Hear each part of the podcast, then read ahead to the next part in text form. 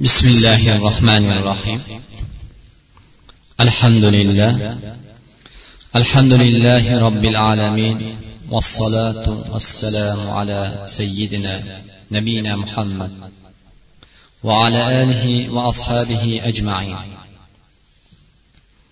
اللهم صل على محمد كما صليت على إبراهيم وعلى آل إبراهيم إنك حميد مجيد. اللهم بارك على محمد كما باركت على إبراهيم وعلى آل إبراهيم إنك حميد مجيد. وعلى آله وأصحابه ومن تبعهم بإحسان إلى يوم الدين أما بعد السلام عليكم ورحمة الله وبركاته. alloh subhanava taolo demak sizu biz mo'min musulmonlar uchun bu kunni jumani fazlini nihoyatda ulug' qilib berdi. Va juma kunini fazlini alloh subhanava taolo shundoq bir muboraklik qilib berdiki sizu biz mo'minlarga kifoya bo'ladigan bu juma kunida alloh shunday bir soatlarni berdiki bu soatda qilingan duolar mustajob bo'ladigan ya'ni ijobat bo'ladigan bir soatlarni alloh bu kunda qilib berdi va juma kunida mo'minlar bir birlari bilan yuz ko'z ko'rishib hol ahvol so'rashib va alloh subhanava taoloning uyiga ibodat niyatida kelgan bandalarini har bir qadamlariga ajr savob va ikkinchi bir qadam uchun ularni gunohlarini mag'firat qiladigan bir maqomni ham olloh berdi. Va albatta undan keyin qaysi bir inson juma kunida juma namozini ado qilishlik niyatida allohning uyiga keladigan bo'lsa va imomni xutbasini eshitadigan bo'lsa ya'ni lag'u lahu ya'ni befoyda keraksiz noshar'iy amallardan va so'zlardan saqlangan holatda ollohni uyiga kelib eshitib imomni xutbasini amri bil ma'ruf va nahiy anil munkarni eshitib imom bilan jamoat bilan ya'ni bu juma namozini ado qilsa. Alloh subhanava taolo bu bandasini gunohlarini mag'firat qiladi degan. Demak alloh subhana taolo bu jamoatni kelgan azizlar hammalaringizni va hammalarimizni alloh gunohlarimizni mag'firat qilsin. Alloh bu kunda jamoat bilan qilayotgan duolarimizni inshaalloh qabul bo'ladigan duolardan bo'lishga alloh muyassar qilsin.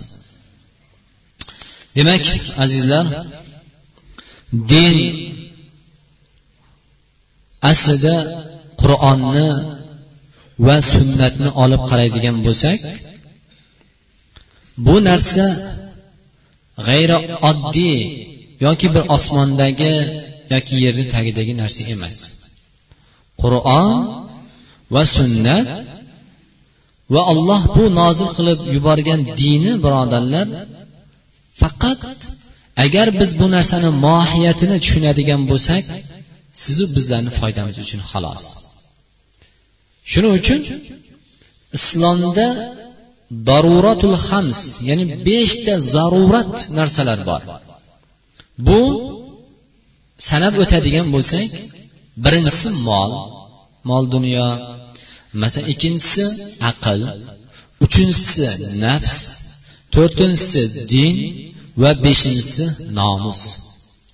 Irt ya'ni o'sha obro'si nomusi. Demak mana shu beshta narsani qur'on va sunnat himoya qilib kelgan birodarlar. Bu qur'onni sunnatni hadisni aytganimizdek bizlarni aqlimiz bovar qiladigan ya'ni aqlimiz yetmaydigan ya'ni biz osmondagi bir hayolat narsa emas. Din qur'onni hadisni qaysi birini olib qaraydigan bo'lsangiz mana shu beshta narsani himoya qilib kelgan. Agar bir insonni halol yo'l bilan mol dunyo topadigan bo'lsa shu molini qandoq sarflashlikni ko'rsatdi. Ya'ni eng avvalo birinchidan insoniyat topayotgan mol dunyosini qaysi yo'l bilan topishligini ko'rsatdi. Ya'ni halol birovni haqqiga xiyonat qilmasdan zulm qilmasdan o'g'irlik qilmasdan pora olmasdan yoki boshqa boshqa. Ana bu topilgan molni endi islom yana himoya qildi.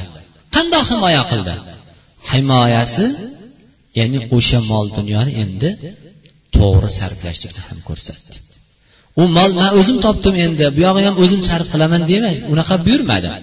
Yo'q olloh bandam mana bu yo'lga sarf qilgin men aytgandek bo'ladi va albatta unga yana men olloh baraka beraman deb va'da qildi. Aql ham shundoq. Va insonni aqli bo'lsin nafsi bo'lsin. Birovga qarang islomni nihoyatda bir go'zal din ekanligini birovga zarar yetkazishlik o'ldirishlik bo'lsin yoki shikast yetkazishlik bo'lsin bu narsani harom qildi islom. Qat'iy qoraladi shuning bilan barobarida insonni boshqa o'ziga ham zarar yetishlikdan ya'ni yetkazishlikdan saqladi. Qandoq? O'ziga zarar yetkazishlik demak inson zararlik narsalarni iste'mol qilishni qur'on din islom harom qildi. Nafaqat qarangki birovga sotish emas masalan aroqni nima uchun alloh subhanava taolo harom qildi birodarlar? Mumkin aroq sotayotgan odam o'zi ichmasligi mumkin. Nima uchun harom? Chunki boshqa bir birodariga bu zarar yetkazadi. Boshqa birodarini aqliga bo'lsin moliga bo'lsin yoki oilasiga bo'lsin yoki ishiga bo'lsin bu narsa zarar yetkazadi. Shaksiz va shubhasiz. Hech qanday foyda bermaydi. Va xuddi shuningdek insonni o'ziga ham o'zini ham ya'ni o'sha odam ichishlikni ham harom qildi. Nafaqat sotishni. Va shunga o'xshagan masalalar. Demak din birodarlar mana shu beshta narsani himoya qilib keldi hayotni e'tibor oladigan bo'lsak mana shu beshta narsadan o'zi iborat shuning uchun alloh subhanava taolo nahl surasini sakson to'qqizinchi oyatida audu billahi minash shaytonir rojim ونزلنا عليك الكتاب تبيانا لكل شيء وهدى ورحمة ورحمة وبشرى للمسلمين ya'ni olloh va nazzalna alaykal kitob bu kitob qaysi kitob Qur'oni karim. Demak qur'oni karimni tibyanan likulli shay. Hamma narsani ochiq bayon qilib keldi birodarlar. Qur'on biron bir narsani mubham holatda ya'ni u narsani yechim yo'q holatda kelmadi. Hamma narsani yechimini olib keldi.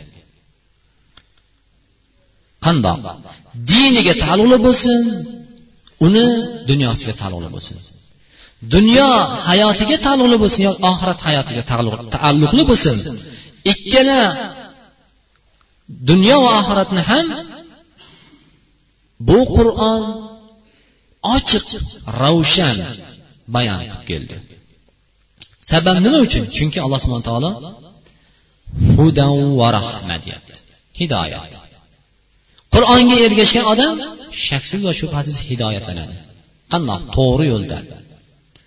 Zalolat bo'lmaydigan haq yo'lda yuradi va rahma allohni rahmatini olib beradi.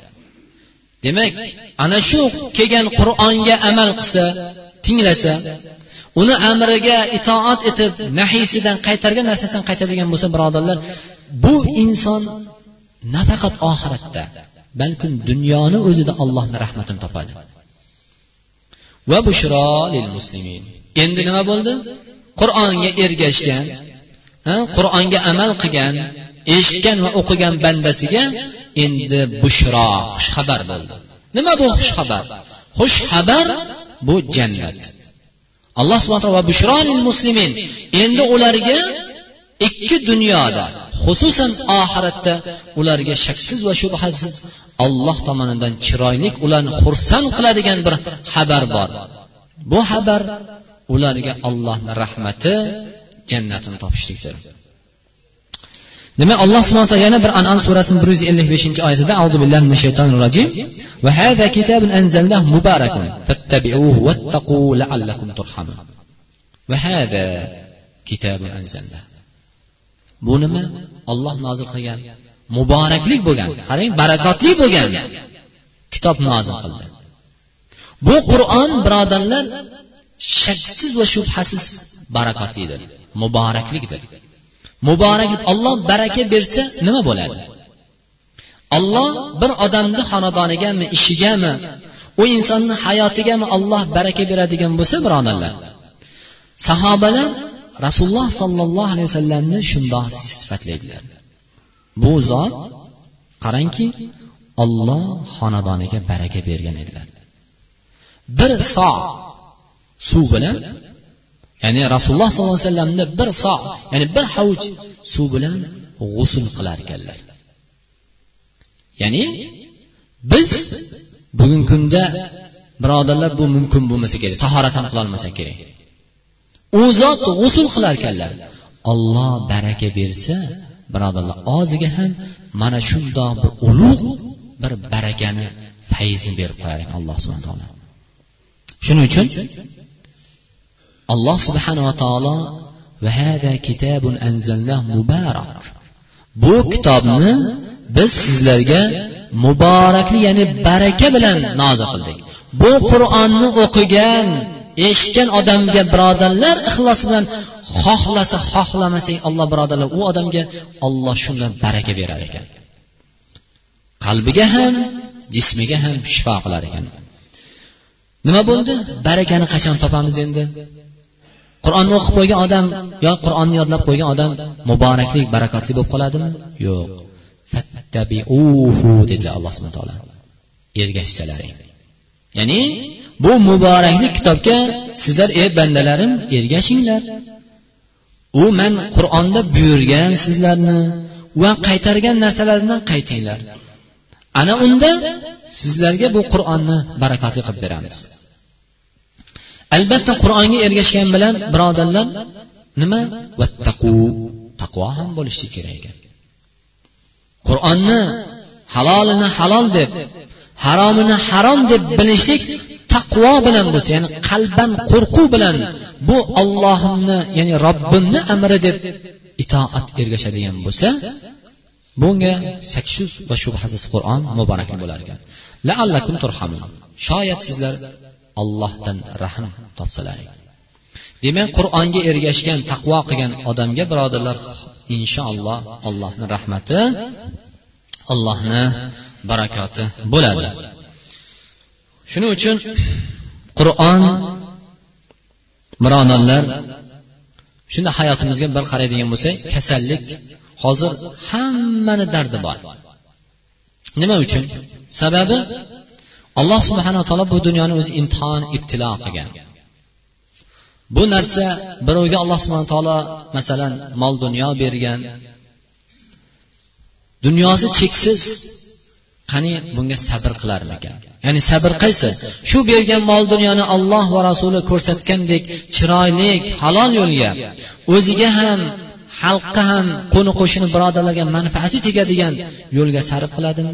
Yo'qmi yoki bo'lmasa bir odamga olloh kambag'al. Faqir alloh subhana taolo buni imtihon. Qani mana shu faqirlikka sabr qilib ollohni halol yo'lidan topishga har qancha faqir bo'lsa ham lekin rizqini topishlikda halol yo'l bilan topishlikka harakat qiladimi? Yoki ka endi bu yog'i endi hozir sharoit shunaqa bo'lib qoldi deb pul keladigan harommi gunoh boshqa yo'lga ketaveradi. Demak kasallik ulamolar ikki qismga bo'lgan ekan. Birinchisi ruhiy kasallik ikkinchisi bu jismiy kasallik. Ruhiy kasallik qandoq? Ruhiy kasallik bu qalbni kasalligi. Qalbni kasalligi bu inson mayub majruh bo'lsa ham qalb salomat bo'ladigan bo'lsa allohni rahmatini topadi. Chunki alloh qur'oni shuaro surasida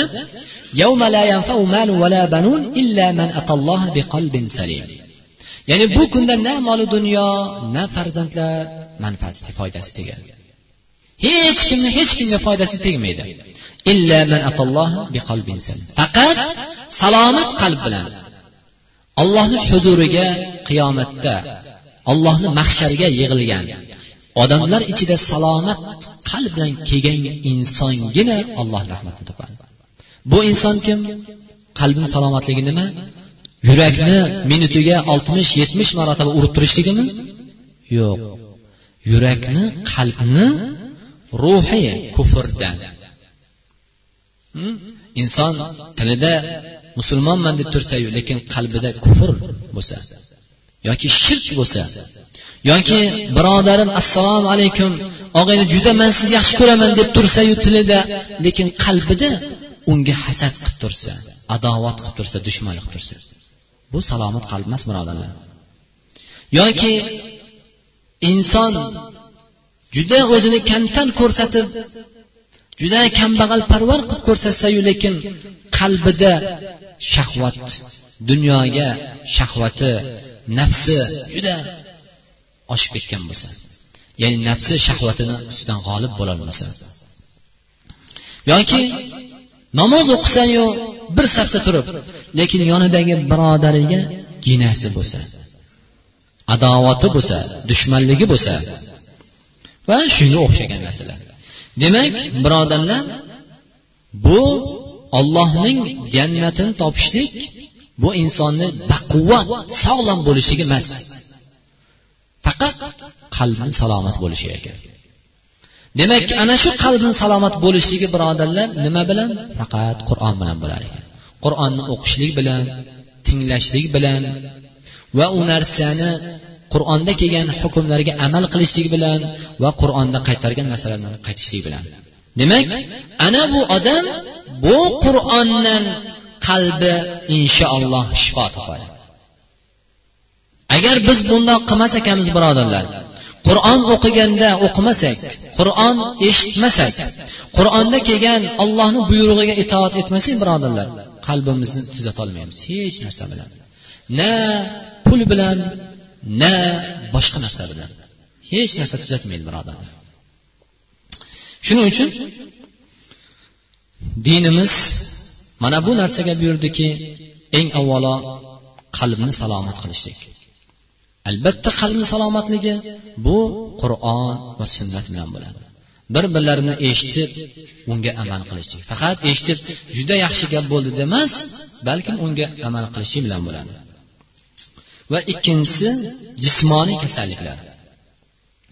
Bularni ham masalan qalbiy kasallik birodarlar faqat bitta insonni ya'ni e, shirk va kufrda bo'lishligi emas inson aytganimizdek namoz o'qib turishi mumkin qur'on o'qishi mumkin ya'ni olim bo'lishi mumkin. Yoki olim bo'lmasligi mumkinu lekin birodarlar qalbi kasal bo'lishi mumkin. Bu qalb kasalligi nima? Aytganimdek g'iybat bo'lsin hasad bo'lsin yoki juda o'zimizni solih qilib juda taqvoli qilib ko'rsatish mumkin odamlarni oldida.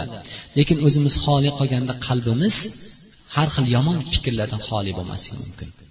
Bu ham qalbimizni bir kasalligiga alomat ekan birodarlar bu qalb nima bilan aytganimizdek yuqoridagi qur'on bilan. Qur'onni tekshirganda o'sha bir elaj o'sha qur'on bilan davolash degan bir olim bir kitob yozgan ekanlar muhammad said hafizahulloh o'sha odam qur'onni eshitganda shundoq ya'ni uni ma'nosini bilmaydigan odamlarni ham juda ko'pi bu qur'ondan ta'sirlanib foydalanadi. Yaxshi tomonga ya'ni ruhiy yaxshi bir tomonga ta'sirlanib o'zgarish bo'lganligini ya'ni yaqqol bugungi kunda isbot bo'lib turibdi. Bu hammalarimizga birodarlar ayon. Aytganda ikkinchisi demak jismoniy kasallik buni ham turi judayam ko'p. Lekin ana shu jismoniy kasallikni davolashlikda ham alloh subhanava taolo qarangki dinimiz faqat bu odam qur'on o'qinglar hadis o'qinglar e, ibodat qilinglar ro'za tutinglar zakot sadaqatlar qilinglar deb faqat shu tomonga buyurmadi. Rasululloh sollallohu alayhi vasallamdan aytadilarki al mu'minul qaviy khayrun va ahabbu ilallohi minal mu'minid zaif au kama qala alayhi vasallam ya'ni mo'min baquvvat odam sog'lom odam ya'ni bu zaif mo'mindan ya'ni quvvatsiz musulmondan yaxshi olloh uchun yaxshiroqdir dedilar chunki baquvvat odam quvvatli bo'lgan odam nima qiladi? Mo'min odam baquvvat quvvati bor odam mo'min odam bu halol mehnat qiladi. Bola chaqamni halol mehnat bilan boqiy deb yugurib yeladi. Quvvatsiz bo'lsachi demak ana shu inson quvvatli bo'lishlikni ham yo'lini axtarish kerak ekan. O'sha shariatni muvofiq odabiga muvofiq keladigan holatda shu yo'lni ham birodarlar axtarishimiz kerak ekan. Faqatgina besh besh mahal namozni ado qilib qo'ysak bo'ldi buyog'i bizniki hammasi bizniki jannat bizniki degan emas ekan. Dunyoyimizni ham oxiratimizni ham obod qilishlikka dinimiz buyurgan. Shuning uchun ba'zi bir olimlar so'ragan ekanki hech qur'onda bir tibbiyot masalasi gapirilganmi dori darmon masalasi deganda shunda ulamolar javob bergan ekanlarki ya'ni alloh subhana taolo butun tibbi ilmini bitta oyatda jamladi. Qur'onni qarangki ya'ni muborak bu muboraklik kitobni hamma narsani bayon qilishiga o'ttiz pora qur'on. Lekin hamma muhammad sollallohu alayhi vasallamni zamonasidan to qiyomatgacha keladigan bironta bir masala yo'qki qaysi bir voqea hodisa yo'qki albatta qur'onda buni hukmi bor birodarlar. O'zi o'ttiz pora bo'lsa uni nozil bo'lganiga qur'onni nozil bo'lib oxirgi oyat tushganiga bir ming to'rt yuz yildan o'tayotgan bo'lsa qanaqasiga deyishimiz mumkin?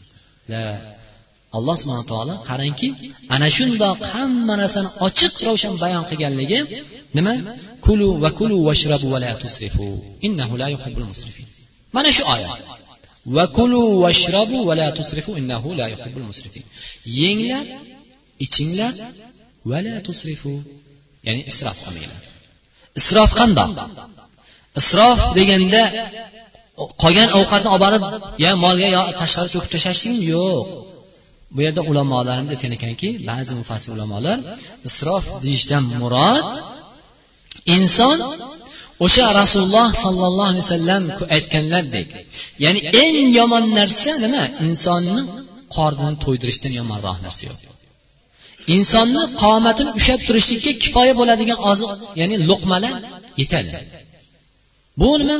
Qorinni bir qismini ovqatga bir qismini suvga bir qismini havoga ajratish ana shundan o'tkazishlik demak shu me'yordan o'tishlik isrof bo'lar ekan. Bu odam nima? Albatta allohni muhabbatini topmaydi. Sababi nima uchun? Birodarlar qorni to'q odamlarni e'tibor bersak hammalarimizni holatimiz bo'ladi. Qorni to'q holatdagi qarasak qur'on o'qishlikka ham ibodatga ham mehnatga ham eshitishga ham toqatimiz bo'lmaydi. Faqat yotsak deymiz. Miyani ishlashi ham yaxshi bo'lmas ekan. Mana ichimizda alhamdulillah doktorlarimiz ham bor. Hammamizga bu ochiq ravshan narsa. Oyat qarangki alloh subhana taolo bitta oyat bilan mana shu insonni o'ziga ya'ni tib ilmini jam qilib berdi. Va haqiqatan ham juda ko'p kasallarni bu albatta bu hadisni biz o'tgangi jumalarimizda bu rasululloh sollallohu alayhi vasallamdan kelgan hadisni batafsil sizlarga judayam chiroyli qilib bayon qilib yetkazganmiz. Lekin ko'pgina kasalliklarni e'tibor qiladigan bo'lsak birodarlar taomlanishlikda sunnatga amal qilmaslik. Taomlanishlikda me'yorida isrof jihatidan o'zimiz me'yordan o'tib ketganligimiz sabab bo'ladi xolos birodarlar ko'pgina kasalliklar. Va albatta sahobalar ba'zi birlari rasululloh sollallohu alayhi vasallamdan so'ragan ekanlarki bu aytadilarki makkada bo'lgan holatlarida ba'zi bir arobiylar kelib so'rar ekanlar. Ya rasululloh biz ya'ni davolansak kasal bo'lgan odam bir davo axtaradigan bo'lsa endi olloh kasal qildi. Ya'ni bu dardni ollohni o'zi berdi izni bilan bo'ldi taqdiri bilan. Endi ollohni o'zi shifo beradi deb yotmasdan biz buni shifosini axtarsak gunohkor bo'lmaymizmi? degan ekanlar. Ya'ni gunohkor bo'lib qolmaymizmi shu davosini oqtaradigan bo'lsak dardimizni deganlarida? U zot aytgan ekanlarki imom termiziy rivoyat qilgan hadisda tadavu ibadalloh fa innalloh lam yakhluq da'an illa vada lahu shifa ey ollohni bandalari sizlar davolanishlikda davom etinglar. Bir inson kasal bo'lsa davolanishlikda halol olloh ko'rsatgandek rasuli ko'rsatgan yo'l bilan ya'ni harom narsalardan emas ana bu narsalardan davosini axtarishda harakat qilinglar. Davolaninglar sizlar. Bo'ldi shifosini ham o'zi beradi deb yotmanglar dedilar chunki alloh subhana taolo albatta bir dardni yaratdimi uni albatta shifosini ham alloh nozil qilgan. Har qandoq. Bu hadis bizga iymon keltiramiz va tasdiq etamiz. Kifoya bo'ladiki har qandoq bir dard yo'qki albatta uni davosi ham bor. Lekin davosini nima? Bitta narsada emas. Undadir bundadir. O'sha olloh halol qilgan narsalarni axtarib yaxshi mutaxassislardan maslahat olib ularni oldiga suhbatlashib ularni axtarishimiz kerak ekan birodarlar. Shuning uchun birodarlar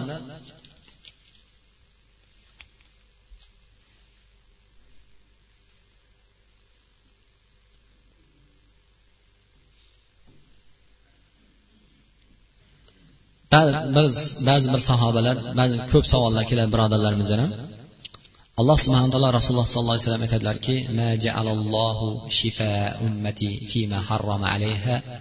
ya'ni alloh subhanava taolo meni ummatimga ya'ni sizu bizlarga olloh harom qilgan narsalarni ichida shifo qilmadi deganlar. Ya'ni harom narsalardan najas narsalardan birodarlar shifo bo'lmas ekan. U shuning uchun ba'zi bir sahobalar kelib u zotdan so'radilarki yo rasululloh biz aroqdan foydalanamiz. Ya'ni shundan davo tayinlaymiz dedilar. Shunda u zot aytdilarki bu davo emas dedilar bu dard dedilar. Ulamolar demak ba'zi bir o'rinda endi savol ham bo'lib qolishi mumkin. Najas narsani deb so'rab kelishadi. Yoki bo'lmasa e, najas narsa deganda ayni bir e, bizni ko'zimiz tasavvurimizdagi najas narsa emas. E, masalan ilonni ham rijis deganlar rijis degani bu najas ma'nosida ham kelgan.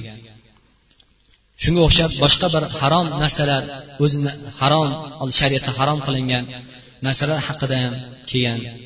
Endi shu davoni ishlatish masalasi qandoq? Masalan oddiy bir misol qon kuyish masalasi ham. Qon ham birodarlar bu najas. Lekin bu bir insondan kasaldan ikkinchi bir bemorga foydalanadi. Bularni hukmi qanaqa? Bularni hukmi ulamolar alhamdulillah dinimizni qarangki ya'ni zarurat bo'lib qolganda alloh subhana taolo nima qildi? O'zini o'sha zarurat holatdan chiqib ketadigan o'rinda o'sha narsalardan foydalanishlikka ruxsat berdi. Ya'ni qandoq?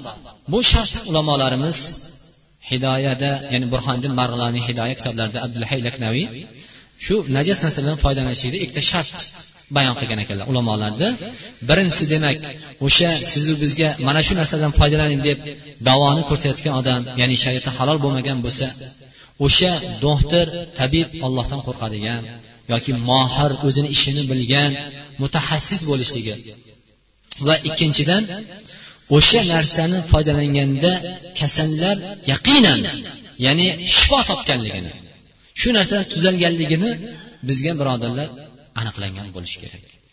Ana undan keyin bu narsalardan foydalanishimiz mumkin. Va albatta bizni chiroyli ovqat yeyishligimiz xilma xil go'zal shirin bir taomlarni yeyishligimiz birodarlar bizni baquvvat sog'lom bo'lishimizga sabab bo'lmas ekan. Yo qalblarimizni salomat bo'lishiga badanimizni baquvvat todirsa talqon qiladigan bo'lishiga sabab bo'lmas ekan birodarlar. Bu ya'ni taomni yeyishlik insonning qomatini tik turishligiga sabab bo'ladi. Sabab bo'ladi birodarlar. Asos emas sabab bo'ladi. Shuning uchun sahobalar ba'zi bilar rasululloh sallallohu alayhi vasallamdan so'raganlarida yo rasululloh qachon shifo dardga ya'ni aytsaki bir odam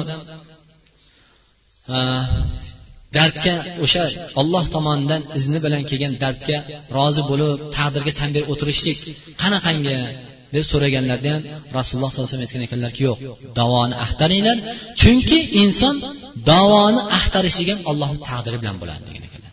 Demak bu ham bizga ollohni taqdiri ekan hali aytganimdek dardni ham bergan zot shifosini o'zi beradi deb yotish emas ekan. Uni davosini ham axtarishimiz kerak ekan va undan keyin albatta birodarlar hayotimizga bir e'tibor beradigan bo'lsak salaflarni hayotlariga harmalat ibn yahya aytadilarki qola sufyan ibn uyayna. Tobi tobiinlardan bo'lgan. Sufyan ibn uyayna toba tobiinlardan bo'lgan. Olim ulamolardan bo'lgan zot. U aytadilarki bir kun sufyan ibn uyayna meni chekkaga tortib yengin ichidan bir to'g'ra ya'ni nonni bo'lagini chiqardilar. Aytdilarki qolali da'ma ya harmalatu ma yaqulun nas. Odamlar aytib turgan narsani qo'yaver uni narsani chetga surgin. Ey harmala hada taami mundu sittina sana. Mana shu narsa meni oltmish yildan beri taomim mana shu non degan ekanlar. Ya'ni shuncha non yerkanlar oltmish yildan beri. Bugungi kunda biz hammalarimiz masalan mashaalloh taomlarni shirinni meva chevalarni shirin chiroylarni yeb yuribmiz. Lekin dardimiz birodarlar o'tganga ota bobo mana yoshi ulug'larni o'tiribdi. Bir oldingi hayotlarini e'tibor qilsinlar bir tajriba uchun gapirib bersinlar. Shuning uchun rasululloh sollallohu alayhi vasallam aytgan ekanlarki besh narsani besh narsadan avval g'animat bo'laydi beshta narsani beshta narsadan oldin g'animat. Birinchisi yoshlikni keksalikdan avval. Otalar yoshi ulug'lar gapirib turishi kerak ekan farzandlariga.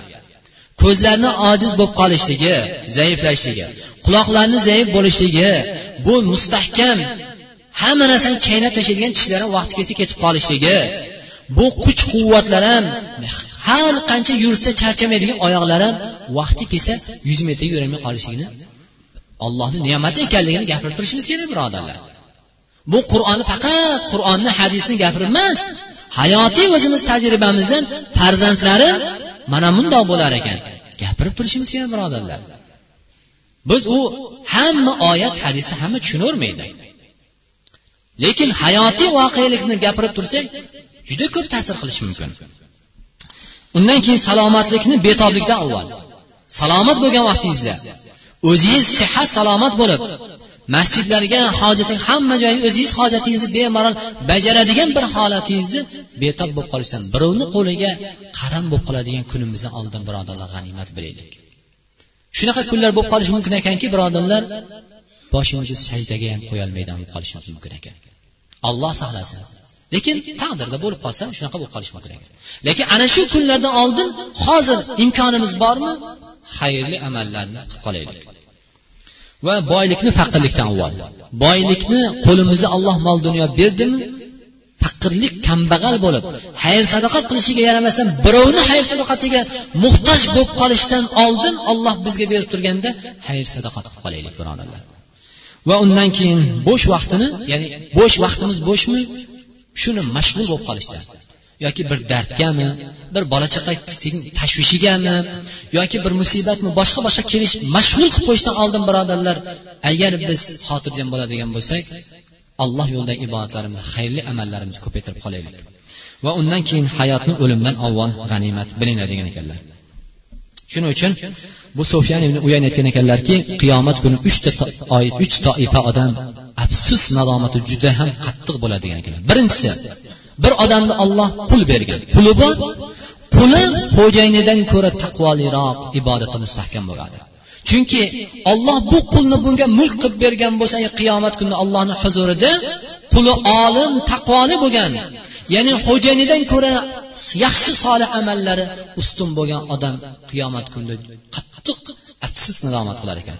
Ikkinchisi moli bor odam. Lekin moli borligida dunyosi borligida xayr sadoqat qilmadi o'lib ketgandan keyin merosxo'rlariga qolgandan ular olloh yo'lida otasiga deydimi onasiga deydimi boshqasiga olloh yo'lida sadoqatlar qildi. Ana bu odam afsus nadomatda bo'lar ekan. Uchinchisi ilmi bor odam. Olim odam lekin o'zi amal qilmagan lekin undan olgan shogirdlari uni ilmiga amal qilgan. Eshitganiga o'sha ta'limiga amal qilganda haligi odam o'zim bilibmanu lekin amal qilmabman shogirdi undan amal qilgan. Mana bu uch toifa odam qiyomatda eng afsus nadomat qattiq bo'lgan odamlar shular bo'lar ekan. Demak savol qisqagina qizil ko'ylak kiyish mumkinmi degan masala. Qizil ko'ylak kiyishlik ayollarga shaksiz shubhasiz bo'laveradi. Lekin erkaklar masalasiga kelganda rasululloh sollallohu alayhi vasallamdan ba'zi bir rivoyatda qizilga moyil bo'lgan kiyim kiyganliklari kelgan hadis. Ba'zi birda bundan qaytarganligini bu ayollarga xos ekanligini qizil ko'ylak kiyishlikni erkak ummatlardan qaytarganligi haqida hadis kelgan. Shunga binoan ba'zi ulamolar aytganki bu makruh hisoblanadi erkak kishiga. Lekin ayol kishiga bo'laveradi. Namozda ikki rakatdan so'ng o'tirganda ko'rsatkich barmog'ini ishora qilishlik. Sabbabatul ishora deydi. bu masalada birodarlar kayfiyatu salati nabiy sallallohu alayhi vasallam ala do ijtihadil madhab abi hanifa rahmatulloh alayhi degan kitobda abu hanifa rahmatulloh alayhini mazhablarida besh xil suratda kelgan ekanlar. Ya'ni ishora qilishlik o'sha sababa ya'ni imom abu hanifa rahmatulloh alayhi mazhablarida.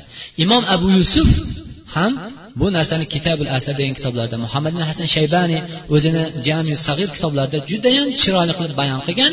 O'sha la ilaha deganda ollohni bitta ekanligini ya'ni iloh yo'q ekanligini mana shu la ilaha illallohni ko'tarishlik va illalloh deganda isbot nafiy va isbot. La ilaha illalloh deganda hech qanday iloh yo'q ekanligini inkor qilyapmiz. Nafiy qaytaryapmiz. Lekin illalloh deganda faqat iloh olloh ekanligini isbot qilyapmiz. Mana shu o'rinda ko'tariladi degan masalada bu birodarlar o'zimizni mazhabimiz imom abu hanifa rahmatulloh alayhi mazhablarini eng sodda eng kichkina bir kitobni qarasangiz ham bu masalalar bor. Ya'ni ixtilofga hech qanday nima emas. Nabiyina muhammad ajmain. Alloh hammalarimiz demak iymonda ibodatda sobit qadam qilgin. Alloh qo'llarimizni ko'tarib ojizona senga duo qilyapmiz. Alloh bu juma kunida olloh shunday bir soatlarni bergansan duolar qabul bo'ladigan alloh bizlarni qilayotgan duolarimizni ana shu soatlarga to'g'ri kelishiga bizlarga muyassar qilgan. Alloh hammalarimizni eng avvalo qalbiy jismiy dardlarimizga shifo bergan. Qo'l ko'tarib turgan bu azizlarni xususan va ahllarini va farzandlarimizni va barcha birodarlarimizni hammani dardli qalbiy jismiy dardlarimizga alloh shifo bergan. Albatta sen bizlarni bu dardlarimizga shifo bersang bu birodarlar hammalarni alloh seni ibodatingda toatingda inshaalloh bardavom bo'lishlikka alloh harakat qilamiz. Alloh rizqlarimizga barakatlar ato qilgin. Xonadonlarimizni fayzli qilgin. Bu mahallalarimizni alloh muborakli qilgin. Vatanimizni ham barakotli qilgin. Vatanimizni ichki fitnalardan ixtiloflardan janjallardan alloh o'zing asragin. Alloh vatanimizni tashqi dushmanlardan ham alloh o'zing saqlagin. Alloh bu ishlarimizda kasb qilayotgan tijorat qilayotgan ziroat qilayotgan birodarlarimiz bor. Alloh hammalarimizni ishlarimizga barakatlar ato qilgin. Haloldan topib halol yo'llarga sarflashga alloh muyassar qilgin. Alloh birodarlarimiz bor xayrli yo'llarda sadoqatlar qilayotgan xayrli amallar qilayotganlar bor birodarlar. Alloh ularni sadoqatlariga barakatlar ato qilgin. Ularni oxiratlariga zaxiralar qilgin. Ularni o'zlarini ham farzandlarini ham ahllarini ham olloh iymonlarini amallarini mustahkam qilgan. Ularni ko'zlarini quvontiradigan qilib bu amallarni natijasini oxiratda dunyoda ham alloh jannat naimlar mukofotlagan. Alloh hammalarimizni ishlarimizga rivoj xonadonlarimizga fayz bergin o'zingni haq yo'lingni adashtirmagin. Ya'ni takror takror duo qilamiz. Alloh yurtimizni ham obod tinchlik qilgin. Hojatlarimiz bor. Senga muhtojmiz parvardigoro hammalarimizni hojatlarimiz bor. Bilib bilmagan bu birodarlarimizni hojatlarimiz bor alloh hojatlarimizni shar'iy o'zing rozi bo'lgan dinimizga dunyoyimizga manfaatli bo'lgan holatda alloh muyassar qilgin. Rahbarlarimizni ham xayrli shar'iy ishlarga alloh rivoj bergin اللهم إنا نسألك الهدى والتقى والعفاف والغنى اللهم إنا نعوذ بك من البخل والحرم والجبن ومن الكسل اللهم آت نفوسنا تقواها وزكها أنت خير من زكاها أنت وليها ومولاها اللهم إنا نعوذ بك من علم لا ينفع وقلب لا يخشع ونفس لا تشبع ومن دعوة لا يستجاب لها. وصلى الله على سيدنا محمد وعلى آله وصحبه أجمعين. برحمتك يا أرحم الراحمين.